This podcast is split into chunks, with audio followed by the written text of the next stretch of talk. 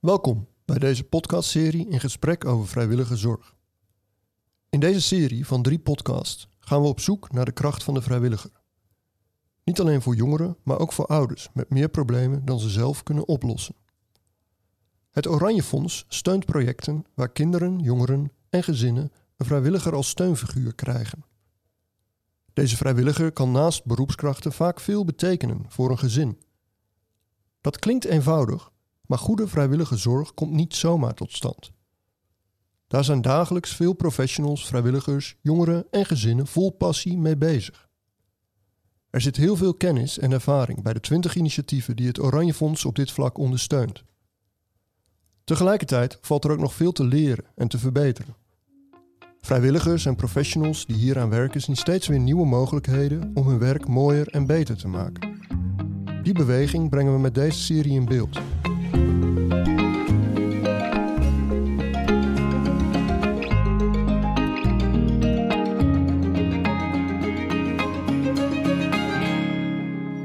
Je luistert naar aflevering 2 van de podcastserie In gesprek over vrijwillige zorg.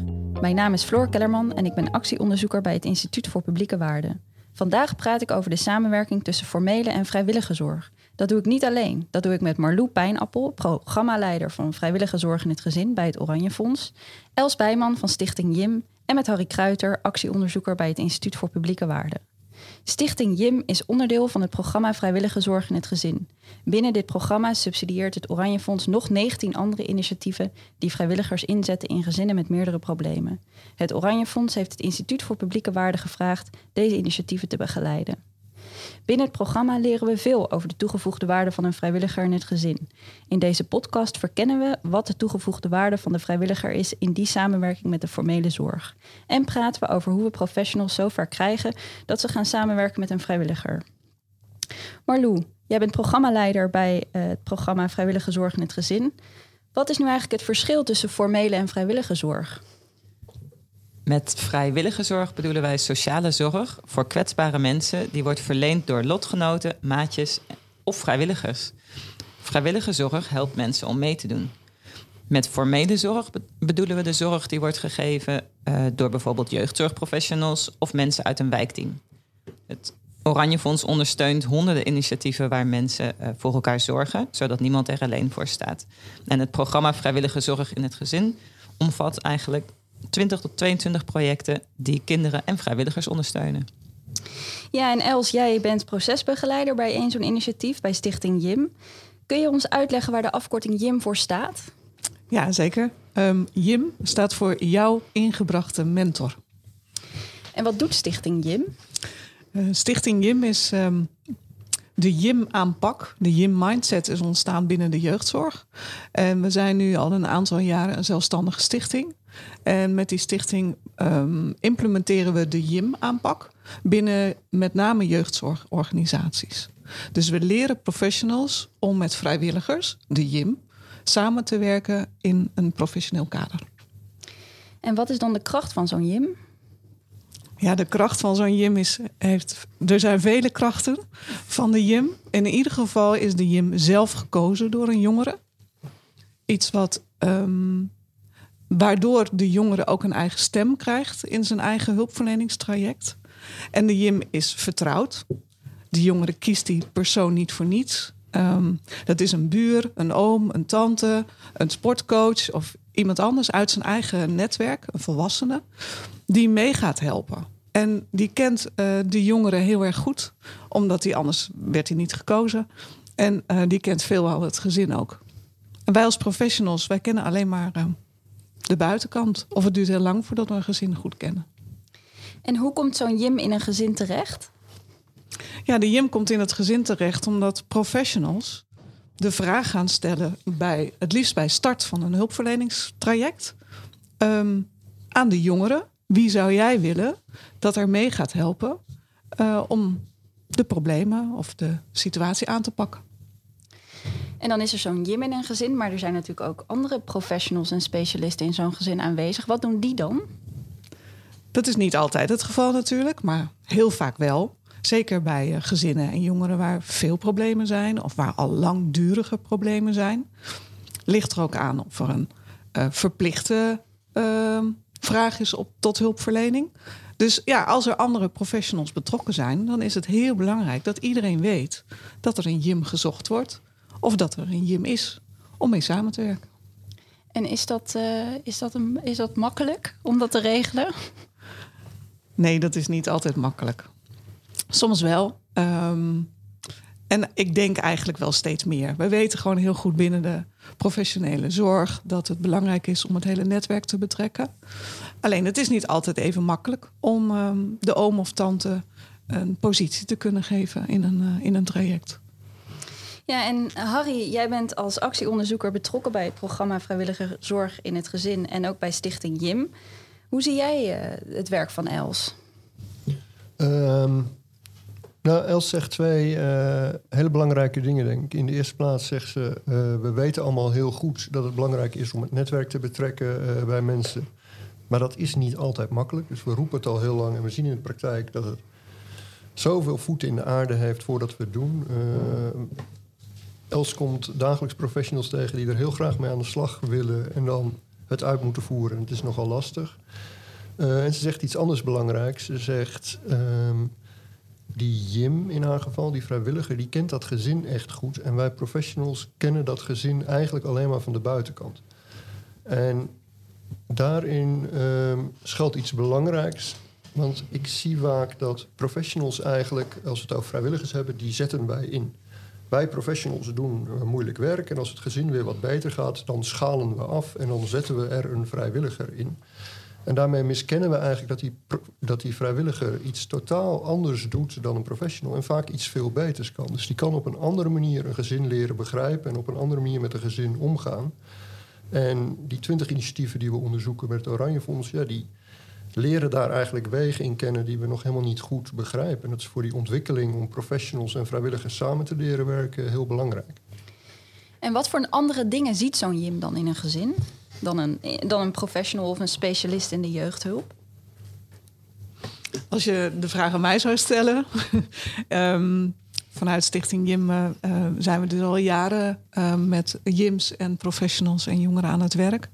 Um, dus we zien een aantal zaken. We zien dat uh, Jims gekozen worden door jongeren.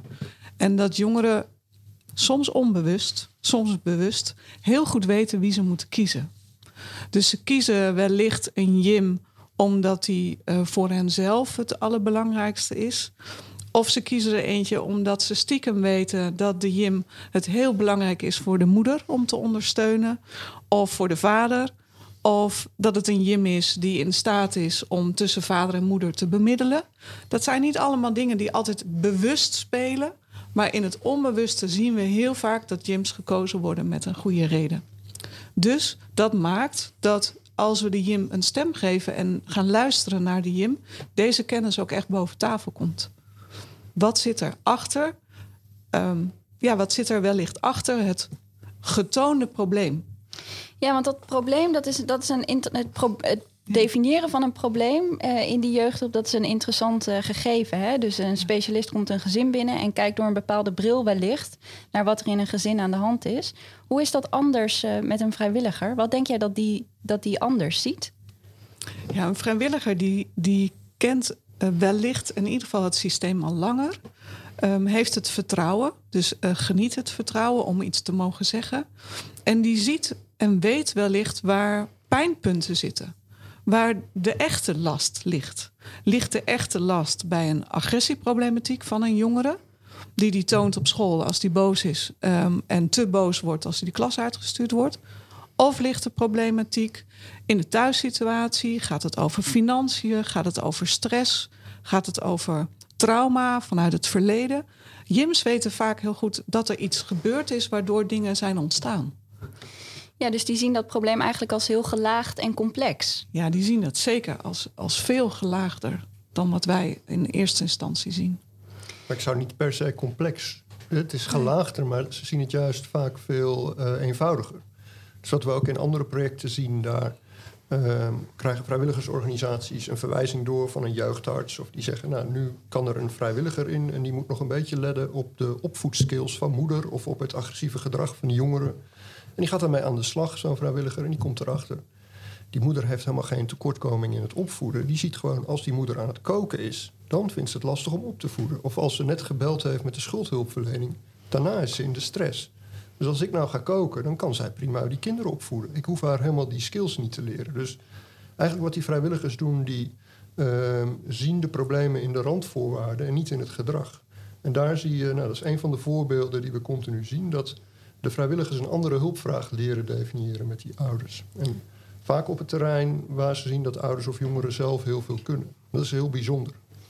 Ja, dat zien we bij alle uh, projecten uh, terugkomen inderdaad. Dat de vrijwilliger gewoon tijd heeft om even op de bank te komen hangen. Of om even te luisteren als de kinderen uit school komen. Of om uh, mee te gaan naar uh, een speeltuintje en dan te zien wat er eigenlijk echt nodig is.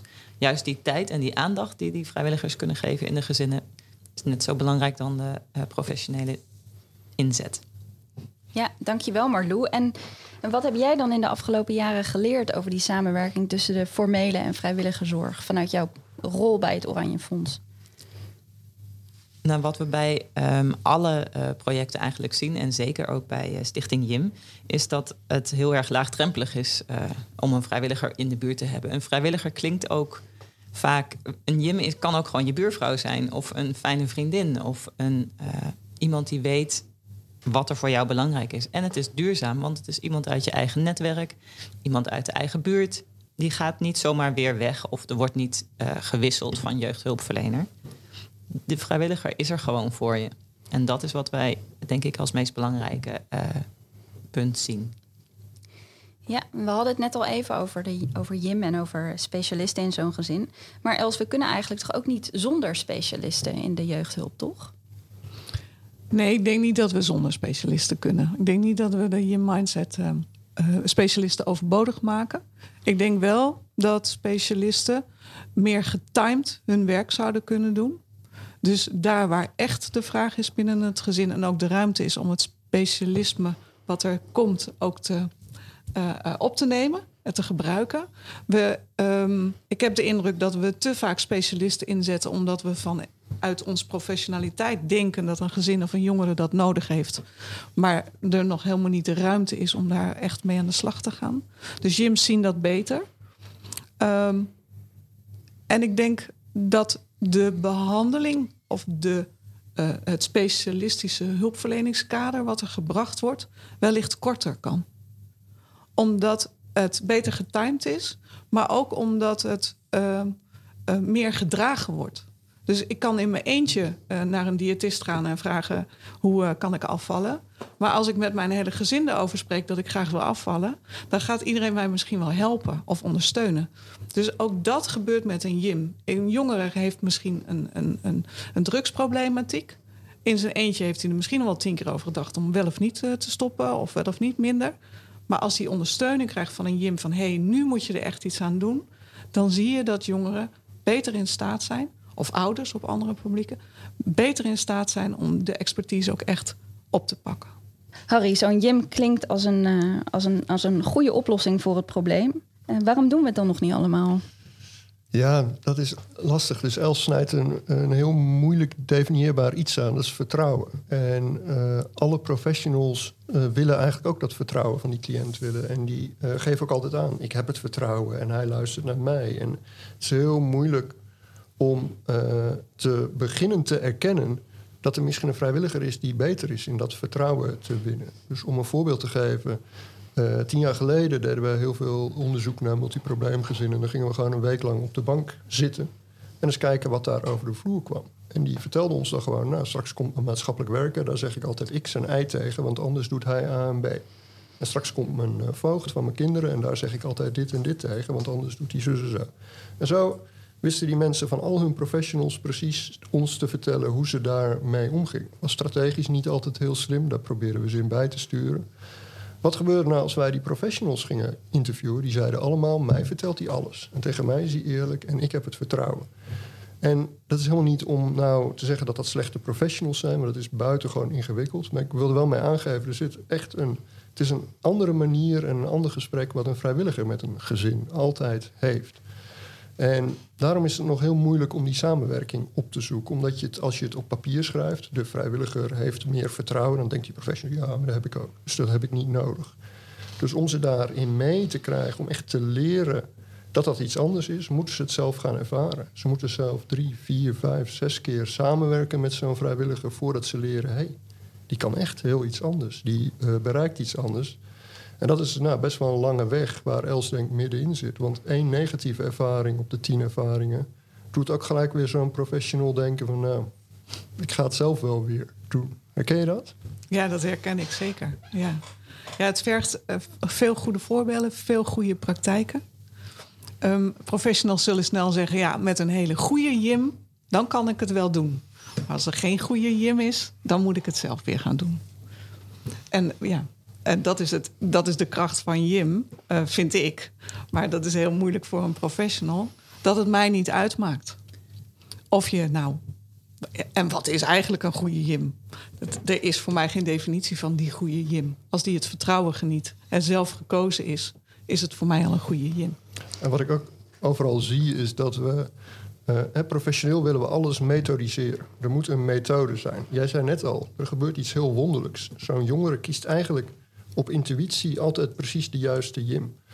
En dat is iets wat we professioneel niet aankunnen. Iets wat gewoon maar goed gaat. Dat moeten we weer in een stromenschema zetten... of we moeten een vragenlijst waar dan de perfecte Jim uitkomt. Maar het gewoon op zijn beloop laten en maar hopen dat het goed komt... dat vinden we doodeng professioneel. Dus om daarmee samen te werken, dat doen we gewoon niet. Het moet geregeld, het moet gestructureerd en gemethodiseerd worden. Dus ja, ik ben ook heel benieuwd hoe jullie die Jim-methode vrijlaten, Els vrijlaten. Hoe ja, bedoel je dat? Nou, hoe je het niet methodiseert. Hoe je het niet helemaal... Hoe je die keuze toch vrijlaat en niet gaat forceren.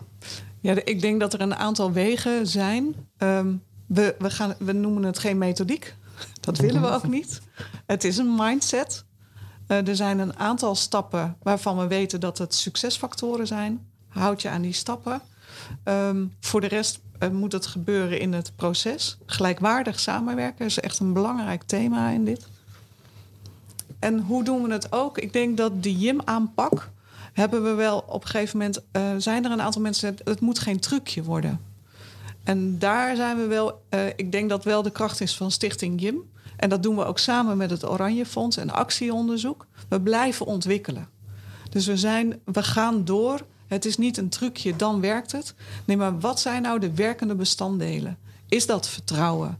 Is dat um, uh, uh, zoeken naar de, naar de kennis van, van de JIM? Um, daar gaan we. En wat is de kracht van de professional in de samenwerking met de JIM? Dus daar, zijn we, daar ontwikkelen we op door.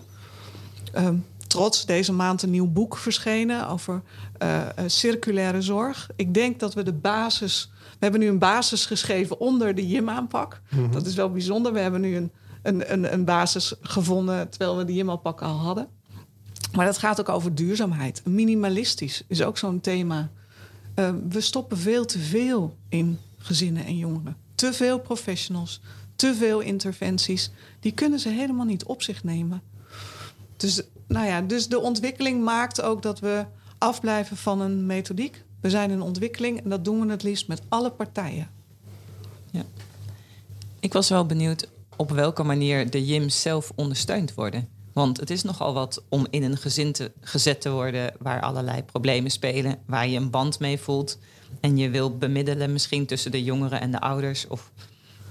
Dus hoe doe je dat, een JIM ondersteunen? Nou, uiteindelijk, even heel plat gezegd, is professionals elke keer uitleggen dat ze gelijkwaardig moeten samenwerken. Dus de JIM heeft pas positie als de professional die positie ook geeft. Als, het, als de professional samen met het gezin de JIM positie geeft. Dat is een, een, nou ja, waar Harry net ook al op doelde. Daar heb je lef voor nodig als hulpverlener om dat te doen. Kennis voor nodig om dat te doen. En mandaat. Dus je hebt als professional mandaat nodig van je eigen organisatie. En daar leren we ook steeds meer van. Misschien niet alleen van je eigen organisatie, ook van de verwijzer. Of dat de gemeente is, of de jeugd- of gezinsbeschermers, de huisarts. Ook daar ligt het mandaat. Ik ben professional, ik blijf professional. Maar ik ga eerst op zoek naar iemand die de Jim is. Ja, kan Ja, ik me en- voorstellen dat dat heel erg belangrijk is. Ja. Het is ook zo dat we vaak zien dat een vrijwilliger niet voor vol wordt aangezien. Ehm, maar in plaats van daar dus als een soort slachtoffer tegenaan te schoppen, zeg jij eigenlijk de professional moet de Jim positie geven, serieus nemen en dat is waar wij aan werken. Ja, zeker. Heel mooi. En Els, hebben die professionals daar ook voldoende ruimte voor? In eerste instantie voelt het niet zo voor de bijna alle professionals. Omdat ze op dit moment, denk ik, ontzettend ehm, eh, eh, vastzitten in heel veel protocollen, ehm, registratieverplichtingen. Ehm, de vraag om de hulpverlening zo kort mogelijk te doen. Eh, dat soort ehm, ja, kaders worden er opgelegd, waardoor professionals in eerste instantie bang zijn dat de JIM-aanpak er iets is wat er bovenop is. Dus ik werk samen met de jongeren en ouders, als dat kan. En dan moet ik ook nog samenwerken met de JIM. Hoe en wanneer. En dan heeft de JIM ook nog successtappen, en processtappen om door te lopen, waarin allerlei afspraken gemaakt moeten worden. Het lijkt in eerste instantie alsof het er bovenop en daarnaast komt. En hoe is dat dan in de praktijk? In de praktijk betekent dit. ehm, ik zal je heel eerlijk zeggen, in het begin had ik wel eens de dacht van... nou, dan laten we dat allemaal los en dan mogen jullie met Jim gaan werken. En als iedereen dat dan zegt, dan kan het wel. En dat kan dus niet in de hoofden van de professionals. Ehm, dus ze hebben een mandaat. Ze hebben van hun een teamleider, een manager, gedragsdeskundige. Iedereen moet ondersteunen dat professionals dingen los mogen laten. Plannen en doelen pas mogen opstellen als de Jimmer is, bijvoorbeeld. Ehm, dat betekent niet dat er al iets gestart is. Op het moment dat een professional binnenkomt, start de hulpverlening. Maar dat wil nog niet zeggen dat de Jimmer meteen is. Ehm, en daar is ruimte voor nodig. Dus daar heb je, daar heb je met je organisatie ruimte moet je daarin maken. Ja, wat is jou daarin opgevallen, Harry, sinds jij betrokken bent bij eh, Jim? Ehm, nou, eigenlijk over de hele breedte van de initiatieven, dat die, dat die ruimte heel moeilijk te vinden is. En dan heb ik het vooral over ruimte om het te mogen leren. Gewoon eens ontdekken. Ga het gewoon één keer doen met zo'n Jim en kijk wat er gebeurt. En ga er ook vanuit dat het fout gaat. Want dat is vaak het volgende. Het is eh, ruimte in tijd. Iets leren kost gewoon heel veel tijd en aandacht. Eh, bij iets leren gaat ook vaak iets mis. Het moeilijkste van iets nieuws doen, daarvan vinden we in één keer dat het perfect moet zijn. Dat moet kloppen, dat mag niet fout gaan. En daar stoeien heel veel van die initiatieven mee die een vrijwilliger erin zetten. Daar projecteren we nog honderd keer zoveel meer eisen en verwachtingen op dan dat we ooit op een professional doen.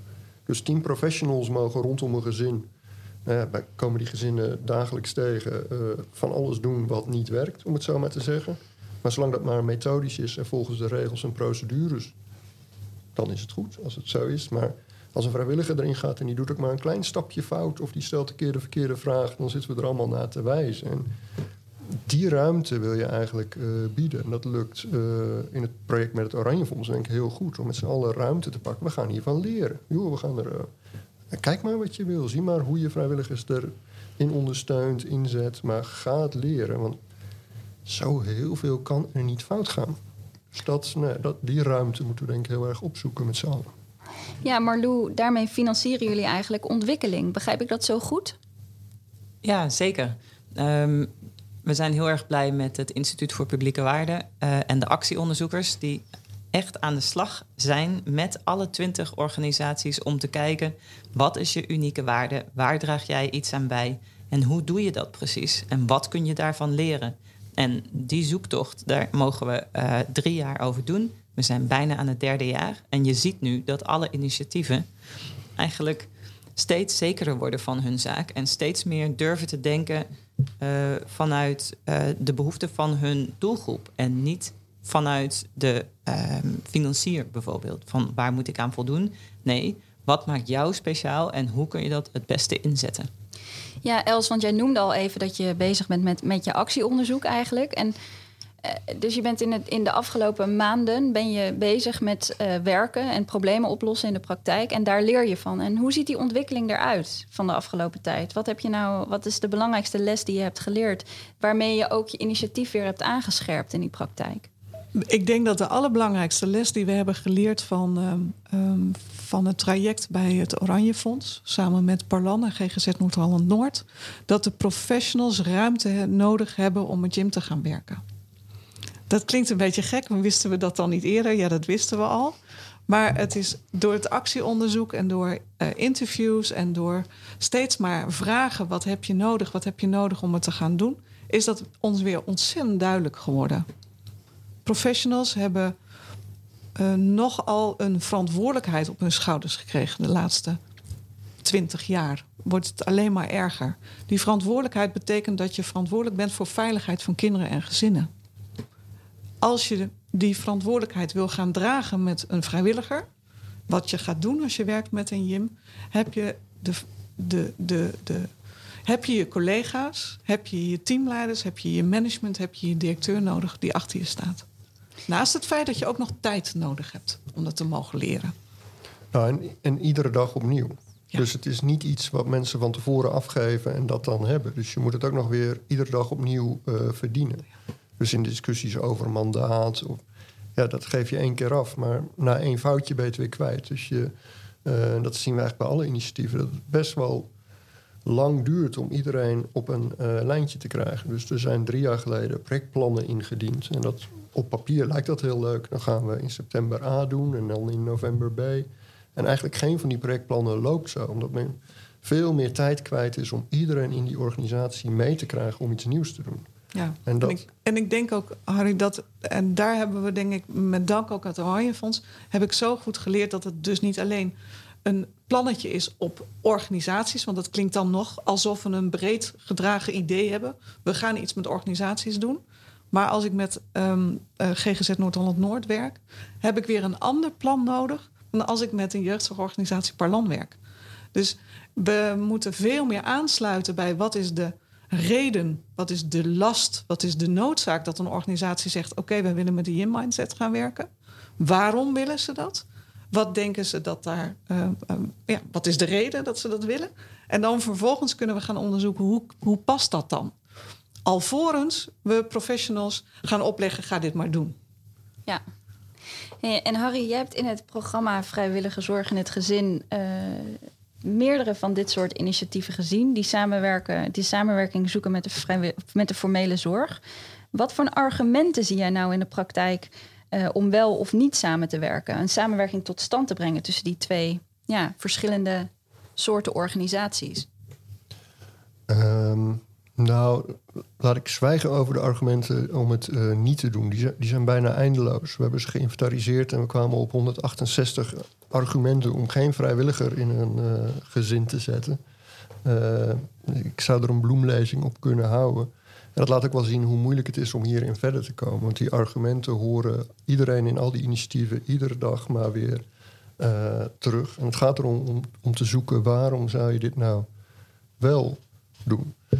Um, en dat zit toch op echt accepteren dat het vertrouwen dat een professional geniet van iemand iets anders is dan het vertrouwen wat een vrijwilliger van iemand geniet. En de manier waarop een professional een vraag ophaalt iets anders is dan hoe een vrijwilliger dat doet. Zeg niet dat het vertrouwen wat een professional heeft uh, verkeerd is of dat hij verkeerd vragen ophaalt.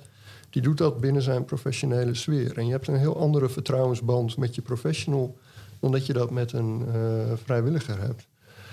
En ja, die wereld moeten we beter leren begrijpen, zodat we hem ook kunnen uitleggen. Wij staan eigenlijk nog nou ja, mee, mee, aan het begin. Met het komende jaar gaan we daar met al die initiatieven verder mee bezig. Van hoe brengen we dat nou in beeld, dat dat echt iets anders is en iets wat we moeten leren gebruiken.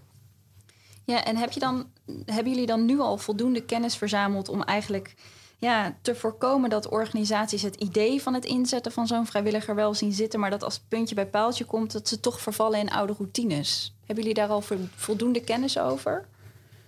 Het is niet.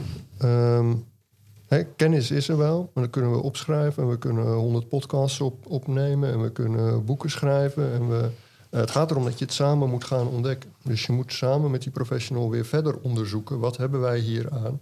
En ben niet eens of dat nou uh, gezamenlijk kennis ontwikkelen is... of dat dat gezamenlijk goede ervaringen opdoen is. Want daar gaat het eigenlijk om. Je wilt een soort ervaringskennis ontwikkelen... dat iedereen weet uh, hoe dat eigenlijk werkt. Hoe dat ongrijpbare wat er tot stand komt bij een vrijwilliger werkt. En uh, daar moeten we mee verder. Hoe zie jij dat, Els? Ja, ik denk dat er maatschappelijk gezien echt wel een vraag is om iets te gaan veranderen. Maatschappelijk gezien hebben we enorm veel kinderen in jeugdzorg. Hebben we enorm veel ehm, kinderen die uit huis geplaatst zijn. Ehm, ik hoorde gisteren nog het cijfer: 1 op de 10 kinderen uh, belandt in een jeugdhulpverleningsland. Krijgt een vorm van jeugdhulpverlening, 1 op de 10. Um, meer dan 45.000 kinderen worden uit huis geplaatst in Nederland. Zijn uit huis geplaatst. Enorme getallen. Waar we volgens mij met elkaar ondertussen echt maatschappelijk gezien ook wel weten dat dat eigenlijk naar beneden moet. En die ontwikkeling uh, zouden we met professionals, de organisaties, de gemeentes um, moeten gaan onderzoeken. En zou iedereen uh, recht moeten hebben op een gym? Ja, dat vinden wij wel, ja. Ja, we hebben al heel lang de visie en de quote... Uh, wij wensen voor alle kinderen een gym. Ongeacht of je in jeugdhulpverleningsland terechtkomt of niet. Omdat een eigen mentor naast je ouders...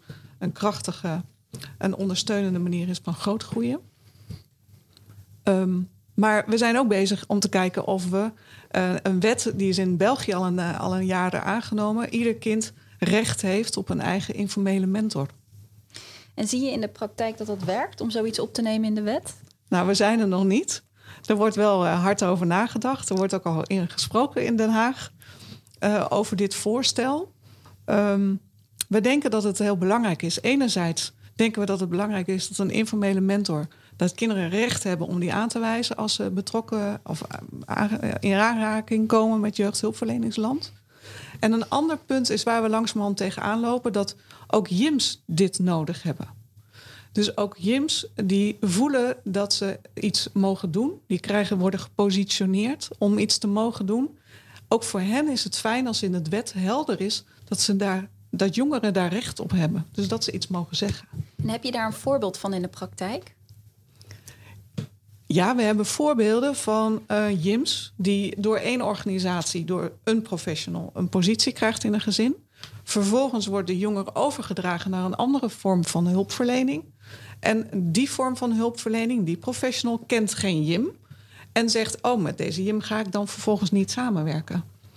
Um, deze vorm, uh, dit, dit wat nu gebeurt in Nederland, daar zouden we heel graag een antwoord op willen. We willen graag dat vrijwilligers gekozen JIMS ook afschaling of opschaling van welke zorg dan ook hun positie mogen behouden. Ja, en je roept op om samen met gemeenten en ja, jeugdzorgaanbieders om dit te gaan ontwikkelen. En wat, moet een, wat kan een gemeente doen of een jeugdhulporganisatie? Ja, die, die kunnen oproepen tot uh, het samenwerken met vrijwilligers en het trainen van professionals om dat ook daadwerkelijk goed te gaan doen. Ja. Ja, daar wil ik ook wel iets over zeggen nog. Um, want vanuit het fonds zijn we nu uh, een paar jaar lang al aan het experimenteren en onderzoeken met al deze organisaties. En de ervaringskennis waar Harry van het Instituut voor Publieke Waarden net over sprak, um, komt steeds meer naar boven borrelen. En deze kennis willen we graag delen, verspreiden, opschalen door middel van een podcast of andere uh, ervaringen. Um, en, wat ook, en het gebeurt ook al, er wordt ook al geëxperimenteerd. Zo is de gemeente Utrecht op dit moment in de wijkteams uh, bezig met een informele zorgambassadeur, een vrijwillige zorgambassadeur. Dus die heel erg aan het kijken is van hoe kunnen we in de wijk bij de professionals zorgen dat er zo snel mogelijk vrijwillige zorg beschikbaar is. Dus ik denk dat dat hele bemoedigende ontwikkelingen zijn.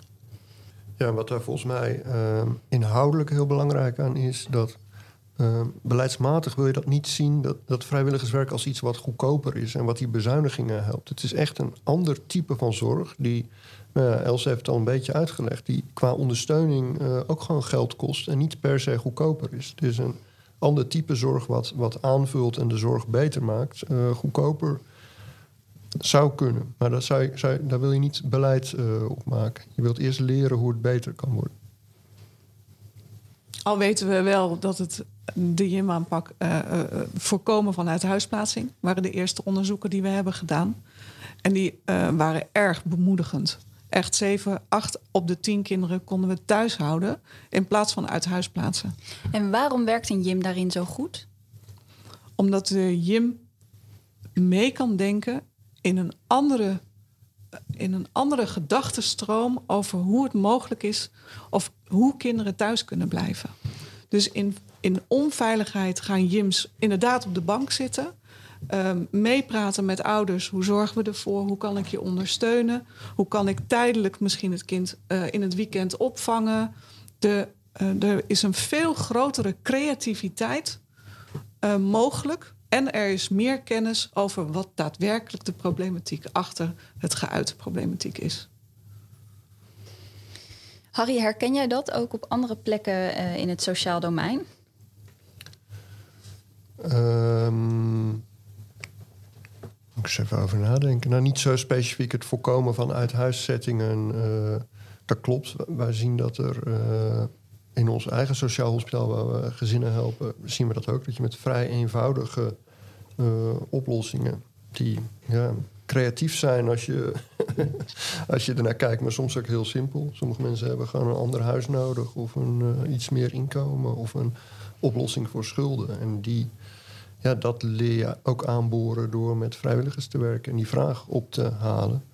Dus in potentie uh, hè, zitten er heel veel besparingen aan een andere type van zorg. Uh, maar mijn pleidooi ging er vooral over uh, vertrek daar niet van uit. Want dan blijf je in die hypothese hangen dat een vrijwilliger een soort goedkope professionele nee, kracht is. En ga je hem verkeerd ontwikkelen. En je wilt hem juist als een top, topproduct doorontwikkelen. Els, als mensen meer willen weten over een gym, waar kunnen ze dan beginnen met zoeken? Nou, in ieder geval op onze website, jimwerkt.nl. Um, daar is heel veel te vinden. Er zijn ook telefoonnummers. Ja. Hiermee komen we aan het einde van de podcast over de samenwerking tussen formele en vrijwillige zorg, waarin we hebben gesproken over de toegevoegde waarde van de vrijwilliger in die samenwerking met de vrijwillige zorg. Aan tafel zaten Marlou Pijnappel, programmaleider van vrijwillige zorg in het gezin van het Oranje Fonds, Els Bijman, procesbegeleider van Stichting JIM. En Harry Kruiter, actieonderzoeker van het Instituut voor Publieke Waarden. Vond je dit leuk? Abonneer je dan in de app waarin je de podcast luistert als je op de hoogte gehouden wil worden van nieuwe afleveringen. En check de social media kanalen van het Oranje Fonds voor meer informatie. Dank jullie wel. En uh, ik, Els, ik wens je heel veel succes. Dankjewel.